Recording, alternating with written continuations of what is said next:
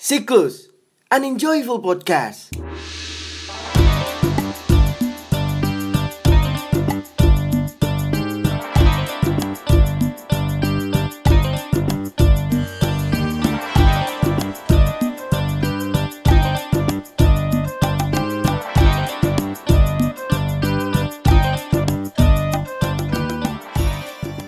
Halo Sobat Siklus, marhaban ya Ramadan.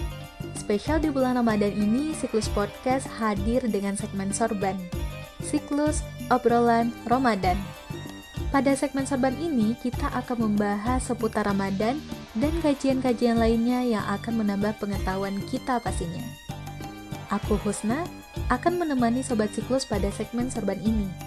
Karena ini kajian, jika ada pertanyaan silahkan kirimkan ke email kami kontaksiklus@gmail.com atau bisa juga DM kami di Instagram @inisiklus. Semua pertanyaan akan kami jawab di podcast selanjutnya. Selamat menjalankan ibadah puasa dan selamat mendengarkan episode hari ini.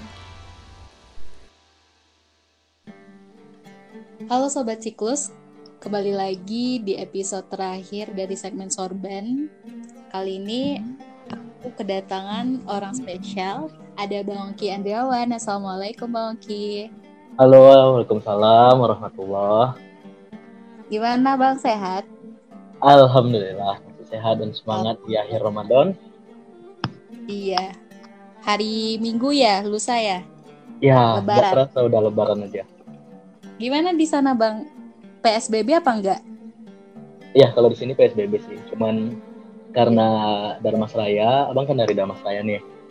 Hmm? Ah, karena di Darmas Raya itu udah tergolong aman, alhamdulillah. Akses masuk Darmas Raya juga udah ditutup. Jadi bisa dibilang kehidupan di sini em, hampir sama dengan yang sebelum-sebelumnya. Berarti kayak eh, sehari-harinya lah ya Bang? Ya, hampir sama. Cuman memang ada pembatasan sih. Alhamdulillah. Nah Bang Oki, Hah? kali ini kita akan cerita-cerita tentang Ramadan. Oke. Beda ya Bang Ramadan tahun ini dengan yang sebelum-sebelumnya karena kita bisa merasakan adanya pandemi virus corona ini membuat banyak eh, pembatasan-pembatasan sosial yang membuat kita juga terbatas dalam melakukan aktivitas sehari-hari. Salah satunya kayak ibadah sholat tarawih, Yap. tadarus, dan sebagainya macamnya. Nah dari Bang Oki sendiri nih Bang, Ya. apa aja perbedaan yang Bang Oki rasakan selama Ramadan tahun ini? bedanya aduh banyak banget. Bedanya ya pertama ya banyak banget. Mulai dari hal besar sampai ke hal kecil sekalipun.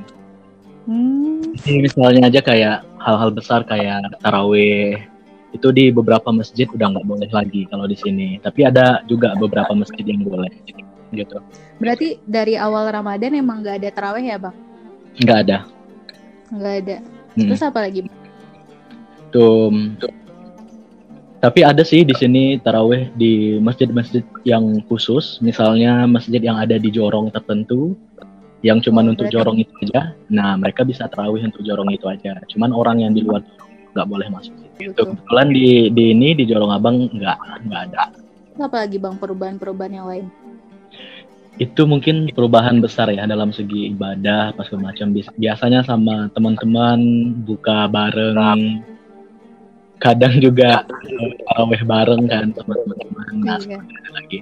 Terus hal kecilnya kayak beli takjil Nggak ada lagi yang jualan di sana Bang? ada, cuman itu udah diawasi sama polisi. Jamnya juga jam-jam tertentu. Misalnya nih eh, jam jam 3 sampai jam setengah 6 Nah itu Mhm. dibatasi tuh. Oh, berarti emang diawasi terus ya Bang? Yap, memang diawasi terus. Itu sih terus apa ya? Ada sih ada orang jualan takjil, cuman nggak sebanyak hari biasanya. Kalau biasanya tuh rame di pasaran itu, rame banget.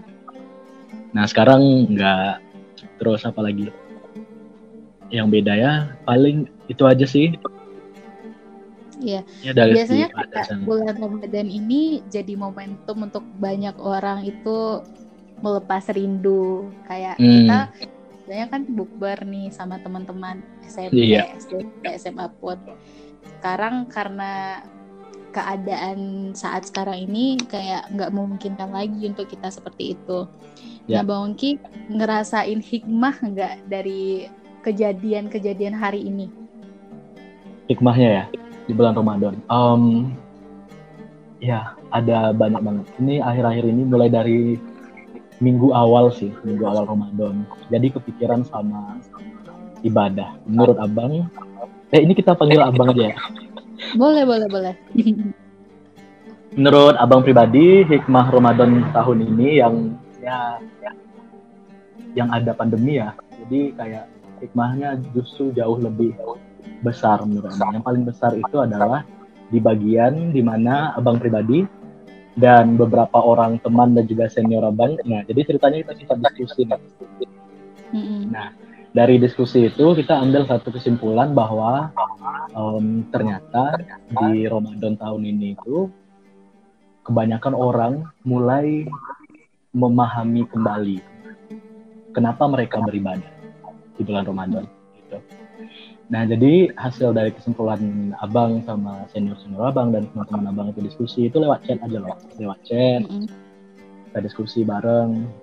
Jadi hasilnya kalau sekarang dengan pandemi kita justru lebih banyak memuhasabah diri. Jadi Iya. banyak pertanyaan kayak ngapain sih kita ibadah? Sekarang kan ibaratnya orang-orang nggak ada ke masjid nih. Beberapa Hmm. tempat nggak taraweh. Mungkin nggak ada tadarus bareng, misalnya ke masjid dulu. Dulunya ke masjid bareng-bareng, terus ngaji, ada teman, ada eh, sahabat-sahabat, ada orang-orang lain yang ngajak, itu kan nambah semangat. Nah, sekarang itu justru nggak ada. Kalau Mm-mm. kita lihat yang di tahun dulu dengan ada banyak ada teman, banyaknya orang yang memotivasi, itu kan ada aspek eksternal Mm. yang memotivasi kita untuk beribadah. Nah, justru sekarang itu tantangan banget. Nggak ada motivasi apa pun. Nah, PR-nya adalah gimana caranya diri memotivasi diri sendiri untuk beribadah lagi tanpa adanya dorongan dari apa pun. Dorongan dari lihat orang misalnya jalan ke masjid, kita awalnya nggak mau jalan ke masjid, tiba-tiba lihat banyak orang yang jalan, dulunya kan ada teman yang Mm-mm. jalan, kita akhirnya ikut. Jadi itu dulu. Sekarang nggak ada. Terus esensi ibadah itu justru lebih lebih dalam. Di mana kita struggle untuk tetap beribadah. Nah, itu maksudnya bulan Ramadan itu perlu dimeriahkan malamnya. Ya. Nah, dalam men, apa namanya? Dalam memeriahkan bal malam Ramadan ini ada harus tarawih. Sekarang tanya sama diri sendiri. Tarawih nggak? Atau misalnya tadarus nggak sendiri atau sama keluarga? Itu jadi kayak lebih memahami kembali esensi beribadah. Itu sih yang paling besar ya saya dapat. Iya. Berarti bisa dikatakan eh, Ramadan tahun ini benar-benar melatih kesadaran diri kita untuk beribadah ya, Bang. Iya benar. Tanpa ada eh, embel-embel motivasi atau dorongan dari orang lain. Tapi emang benar-benar. secara sadar kita sebagai makhluk Allah, sebagai ciptaan Allah, bagaimana bisa menjalankan ibadah itu secara sadar, fokus dan khusyuk walaupun eh, di tengah-tengah keadaan yang menimpa hari ini. Yap. mm-mm. Terus berbicara tentang esensi ibadah nih bang, Bang Ya. sendiri merasakan nggak kalau misalkan taraweh sendirian itu lebih berat dan lebih berat lagi daripada taraweh jamaah? Kayak kita tahu bahwasanya sholat taraweh itu biasanya yang dikerjakan kebanyakan orang 8 rakaat taraweh dan tiga rakaat witir dan itu di kebanyakan orang bisa jadi eh, cukup banyak ya rakaatnya. Itu kayak Yap, ah, bi- harus apa besar lagi kan usahanya untuk bisa menyelesaikan 11 rakaat sholat eh, taraweh dan Iya. dan sholat witir di Ramadan ini. Iya bener bener banget. Karena sendiri kan. Dan ibaratnya kalau di rumah itu semua godaannya justru lebih lebih banyak justru. Banyak godaan. Di rumah ada laptop di dalam laptop ada banyak list film yang belum ditonton. Terus apa sih ya Eh, HP sendiri gitu kan. Kita bisa online zooman mungkin sama teman-teman yang lain dan lain-lain. Ya itu sih. Jadi balik lagi kayak memang berat banget karena cobaannya berat. Walaupun setan udah dikurung ya di bulan Ramadan cuman diri diri sendiri yang udah terlalu terbiasa misalnya lalai dalam ibadah ya akhirnya juga lalai tanpa adanya setan. Jadi kayak memang banyak banget cobaannya. Banyak banget diuji hanya abang bilang tadi kayak lebih dilatih lagi spiritual journey ya. Perjalanan spiritualnya di Ramadan Ramadan. Ada yang makin dekat ada yang makin sadar ada yang makin beribadah. Karena motivasinya internal kan dari dirinya sendiri. Jadi mulai muhasabah diri lagi. Nggak jarang juga ada yang sama sekali nggak ibadah kan. Mm-mm, benar.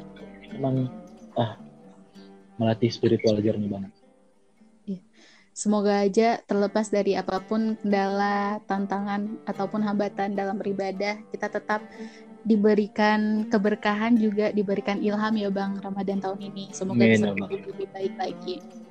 amin Bang eh, dari dari Abang sendiri nih, Hmm? apa yang Abang lakukan untuk mengisi atau menghias Ramadan Abang walaupun di tengah pandemi ini bisa tetap berarti gitu, bisa tetap bermakna. kalau siang malam harinya ya. Kalau siang harinya biasanya jadi lebih kenal adik. Abang kan punya adik tuh. Iya. jadi dulu pas masa kuliah ataupun bulan Ramadan yang lain yang tanpa PSBB di mana abang masih bisa keluar ya biasanya tetap biasanya ngumpul sama teman ngobrol yang lain sekarang karena PSBB akhirnya mau nggak mau ya tetap jadi pas di rumah jadi apa namanya satu-satunya teman siapa sih adik paling ponakan gitu Mm-mm. jadi eh, paling kegiatan sehari-hari itu eh, ngajarin dia belajar. Karena dia ada tugas dari ini kan dari sekolah. Iya. Nah dia ada tugas yang harus diselesain, ngajarin adik, terus apa lagi? Karena abang juga diajak untuk recording, recording beberapa lagu-lagu Islami di bulan Ramadan. Terus apa lagi ya? Siarkannya di mana Bang? Gimana? Itu recording nyanyian dan segala macamnya itu disiarkan di mana? Ada YouTube ya, nanti abang sebar. Ya. Tuh biasanya recording, terus apa lagi ya? Belajar, skripsian, Nggak lupa ya sih tetap ya. ya tetap. Karena nggak mungkin kan kita harus menunda wisuda karena pandemi. Iya benar. Gitu. Jadi mau nggak mau memang proposalnya harus selesaiin, tugasnya harus selesai. Terus apalagi belajar untuk persiapan setelah wisuda, misalnya. Kalau bang pribadi belajar IELTS karena udah ada tuh apa namanya ada udah ada target gitu luar negeri habis wisuda makanya belajar lagi untuk ilmu lah ibaratnya itu kalau siang hari kalau malam harinya ya kayak biasa Kayak biasa. ada ya. ngaji ya isa tarawehan terus paling nanti tambah lagi dengan nonton film nggak tinggal juga tuh nonton film Berat- nulis juga Nulis juga Bang? Itu nulis Yap, yap. buku atau apa? rencananya sih jadi doain aja mudah-mudahan selesai Amin. Om, Allah semoga nah, ceritanya aku kan bikin skripsi tentang festival Kamalayu ya dan Mas ya ya. Nah, jadi ada usul dari pembimbing Iqbal Dunia. Nah, beliau bilang kalau komunikasi budaya bukunya sedikit mungkin dia bilang. Terus diskusi juga sama Nini Mama di sini di Kampung Abang. Yang ceritain lah kalau misalnya Festival Kamalayu ini diangkat jadi buku gimana ya, Pak? Bu? Oh ya bagus. Nah, kan ada support lah ibaratnya. Jadi mulai nulis baru beberapa lembar sih ya, itu struggle ya sambil skripsian sambil nulis juga mudah selesai Hmm. Berarti Gitu. tetap aktif ya Bang? ya tetap produktif menuntut ilmu kan juga bagian dari ibadah Padahal sebenarnya pandemi ini juga ngasih kita waktu luang ya Bang untuk lebih uh, nge-improve diri, ngembangin skill yep. dan lain sebagainya. Ya, karena nggak ada nongkrong lagi kan. iya. kita, kita pun dulu kan nongkrong kan. Di mana? Di Dupin. Dupin dua pintu. Kangen, sempat kangen sih. Cuman ya sekarang lebih banyak waktu untuk istirahat, untuk diri sendiri, untuk keluarga gitu deh. Semoga pandemi ini cepat berakhir biar kita bisa lebih banyak uh, berdiskusi lagi, brainstorming ya bang. Iya, amin ya amin. Iya, ya deh. Nah, dari kondisi masyarakat dan Mas Raya sendiri nih bang, hmm? ada perubahan nggak bang karena pandemi ini? Ada, ada. Yang pertama, yang dulunya nggak pakai masker, sekarang pakai masker ke mana-mana. Terus apalagi ya yang dulunya nongkrong misalnya malam-malam sekarang jam berapa sih jam setengah sebelas. Nah misalnya biasanya nih jam setengah sebelas itu orang masih ada nongkrong ke mana gitu kan pemuda-pemuda. Nah sekarang udah nggak ada lagi soalnya udah ada pernah kejadian beberapa kali ada yang nongkrong waktu awal-awal dilaksanakan PSBB. Hmm. Ada yang tetap nongkrong, yang mereka nongkrong akhirnya digerebek sama polisi. Hmm ya digerebek udah dibawa ke kantornya. Nggak dihakimi juga sih cuman kayak dikasih pelajaran aja supaya nggak nongkrong lagi. Akhirnya ya bisa dilihat sih nggak ada lagi kebiasaan nongkrong apalagi ya ya itu tadi perubahan dalam kebiasaan beribadah. Biasanya kan yang di kampung-kampung itu rame ya orangnya. Rame banget. Biasanya ada bagi-bagi takjil ya kan tetangga-tetangga ini saling ngasih takjil satu sama lain misalnya tetangga A masak apa dibagi ke sekarang tuh udah jarang. Udah jarang ya bang? Ya udah jarang. Soalnya nggak nggak ada lagi ibu-ibu yang biasanya nongkrong di depan rumah sama mamanya bang. Karena nggak ada lagi tukar-tukar uh, takjil. Itu sih yang berubah. Untuk sholat id uh, hari minggu depan bang?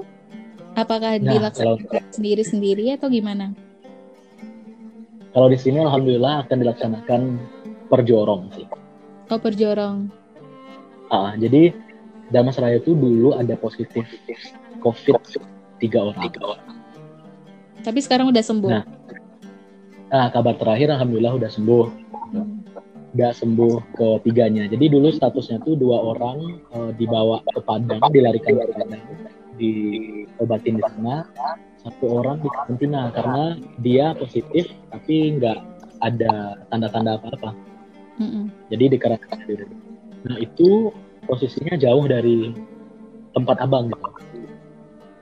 Nah ibaratnya nih jorong-jorong yang di dekat di dekat rumah abang ini masih aman alhamdulillah. Jadi akhirnya keputusan uh, wali nagari sama camatnya di ambillah keputusan kalau misalnya sholat nanti dilaksanakan di masjid perjorong biasanya gabung. Di satu tempat itu rame bang di satu tempat ada lapangan bola yang besar banget. Biasanya kita sholat itu tapi sekarang dibatasi perjorong uh, per masjid berarti masih beruntung ya bang Ongki ya masih bisa sholat id berjamaah. Ya, Kalau ini uh, di Padang Panjang sendiri itu udah sholat idnya itu sendiri-sendiri bang di rumah karena sendiri, kebijakan sendiri. PSBB panjang. Sampai sampai sampai, sampai tanggal 29 Mei terakhir. 29 Mei ya. Di Padang Panjang ada yang positif gak sih? Ada bang. Jadi semoga aja nggak ada lagi korban yang bertambah dan yang sekarang hmm, lagi terpapar virus corona bisa cepat sehat, insya Allah. Iya, sebenarnya kebijakan kebijakan yang diambil di Kampung Abang kan masih bisa diperdebatkan sebenarnya kan. Mm -hmm. Tapi um, kalau Bang lihat sih kebijakan itu juga didukung sama mekanisme yang insya Allah aman sih. Mm. Jadi kayak ada protokolnya juga udah jelas, peraturan-peraturannya juga udah jelas. Nanti pada prakteknya ya kita lihat aja hari Minggu gimana nanti prakteknya di sana katanya kabarnya sih akan diturunkan aparat untuk mengawasi kemudian akan ada apa namanya uh, hand sanitizer dan juga tempat pembersih tangan di mana-mana. Hmm. masih dalam pengawasan pemerintah ya bang? Dan insya Allah masih ada dalam protokol yang sesuai untuk penanganan COVID.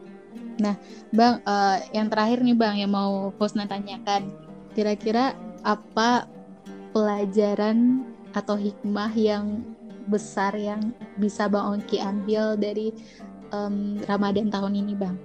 Yang pertama itu tadi sih banyak muhasabah tentang niat abang beribadah dari tahun dulu sampai tahun sekarang kan beda banget tuh signifikan bedanya Mm-mm. itu jadi tahun sekarang tuh justru jauh lebih berat tapi di balik semua itu justru jauh lebih bermakna Hmm. karena pada saat kita bisa tarawih sendiri aja tuh sendiri di kamar misalnya kita tarawih dan mengalahkan semua kebiasaan buruk dan rasa malas itu rasanya benar-benar puas dan bahagia banget karena udah bisa apa namanya em, menghilangkan semua kemalasan semua kebiasaan-kebiasaan buruk yang menghalangi kita untuk beribadah pas kita ibadah alhamdulillah tanpa motivasi dari mana-mana insya Allah benar benar-benar diri sendiri yang mau gerak gitu.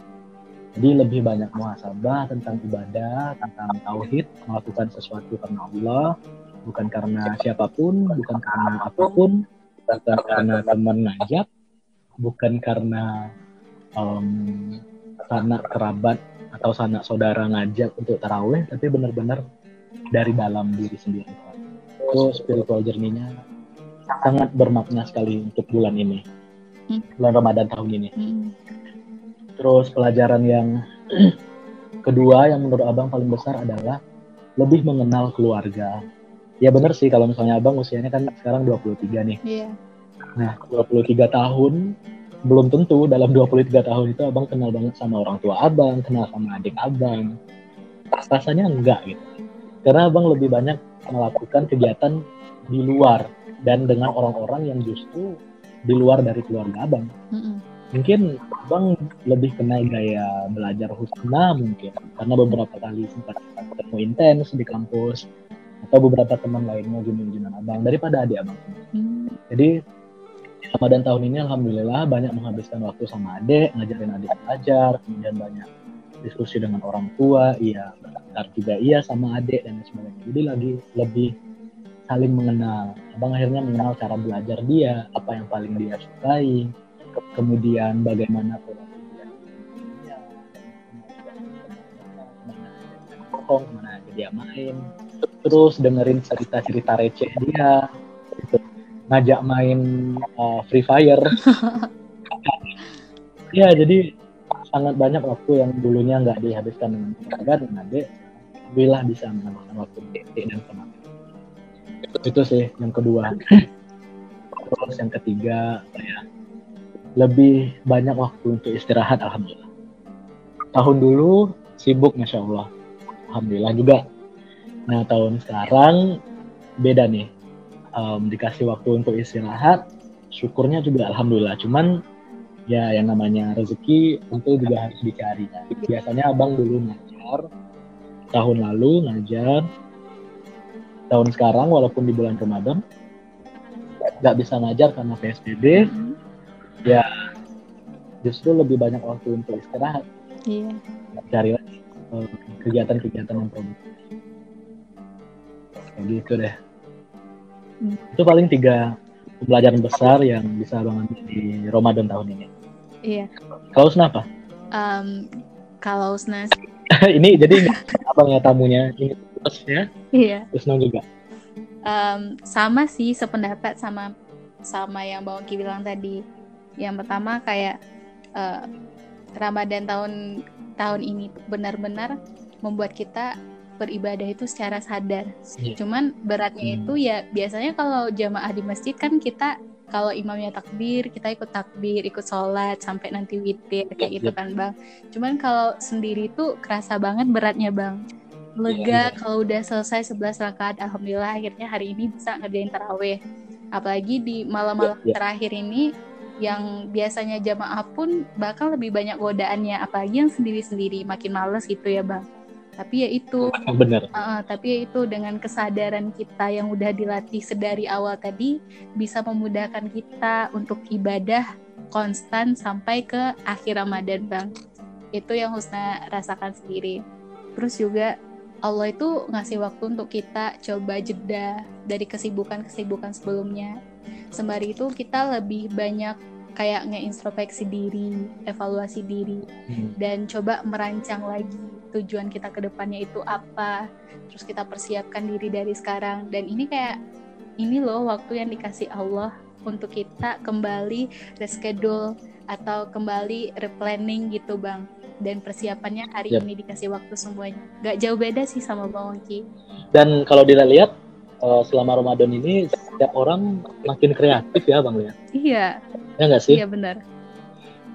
Ya itu kayak misalnya beberapa orang yang mungkin kita kenal juga. Ada yang dulunya eh, foto secara langsung, sekarang vir- virtual photoshoot, Hmm, terus eh, banyak yang share video kegiatan produktif sehari-hari mereka di Instagram, di YouTube, di mana-mana. Ada yang bikin podcast kayak gini. Ini kalau bisa dibilang jarang-jarang jarang-jarang loh kita lihat di tahun-tahun sebelum-sebelumnya. Ya nggak sih? benar ben- benar bang Kadang gabut gabut itu memicu kita untuk melakukan sesuatu. iya jadi nggak selamanya gabut itu negatif kan ya bang Iya, karena setiap iya hal benar-benar. itu ada positifnya ada negatifnya tergantung kita mau uh, lihatnya dari sudut yang mana gitu gak sih bang? Benar.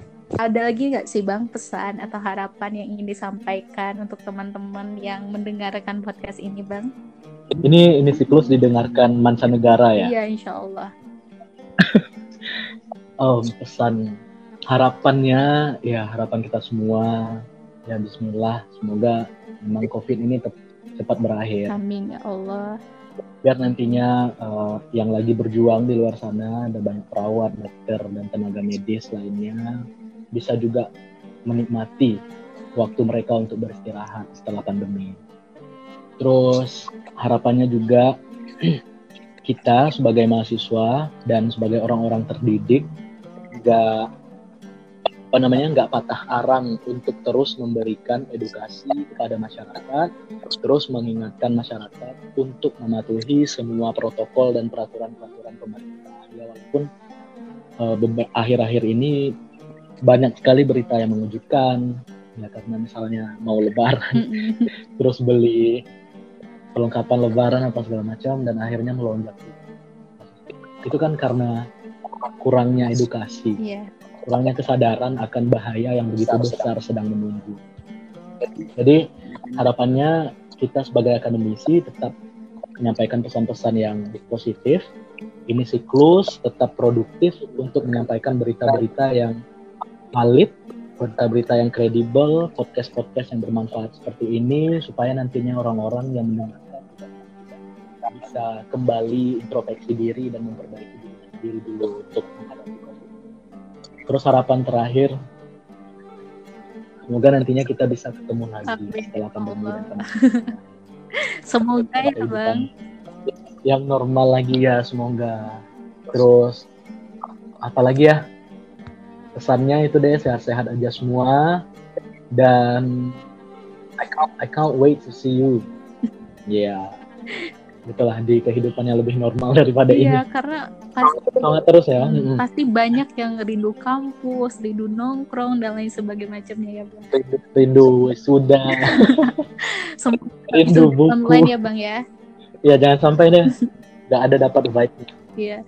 Jadi em, ada satu hal yang Husna tangkap dari apa yang Bang Ki bilang yaitu lebih besar usaha kita dalam melakukan sesuatu, maka lebih besar lagi makna yang kita dapatkan. Benar-benar banget. Mungkin ini bisa jadi pesan untuk sobat siklus semuanya bahwasannya kalau sesuatu itu benar-benar kita kerjakan dengan usaha yang keras, dengan penuh kesadaran, maka kita sendiri yang akan merasain bagaimana makna di balik itu semua. Kita akan dapatkan Ya. suatu hal yang sangat berarti dari apa yang kita usahakan dengan penuh kesadaran gitu. Terima kasih Bang Oki sudah mau diajak bergabung di segmen Sorban Yap. podcast siklus Alhamdulillah, terima kasih kembali. Sangat senang sekali diundang untuk uh, ini siklus. Ya, insya Allah akan bermanfaat untuk kita semuanya dan ini juga akan menjadi sodako jariah untuk Bang Uki nantinya. Amin ya. Harapan-harapan kita di podcast ini bisa terkabulkan nantinya. Amin ya Amin. Terima kasih banyak Bang Oki, senang sekali bisa berdiskusi. Sama-sama Usna. Ah-ah. Dan eh, untuk sobat siklus, ini adalah episode terakhir dari segmen Sorban. Semoga teman-teman semuanya diberikan keberkahan selama bulan suci Ramadan ini dan kita bisa mendapatkan hikmah yang luar biasa dari Ramadan ini hingga kita bisa dijadikan Allah sebagai hamba yang lebih baik lagi dari yang sebelumnya. Amin amin ya robbal alamin. Sampai jumpa. Terima kasih. Assalamualaikum warahmatullahi wabarakatuh.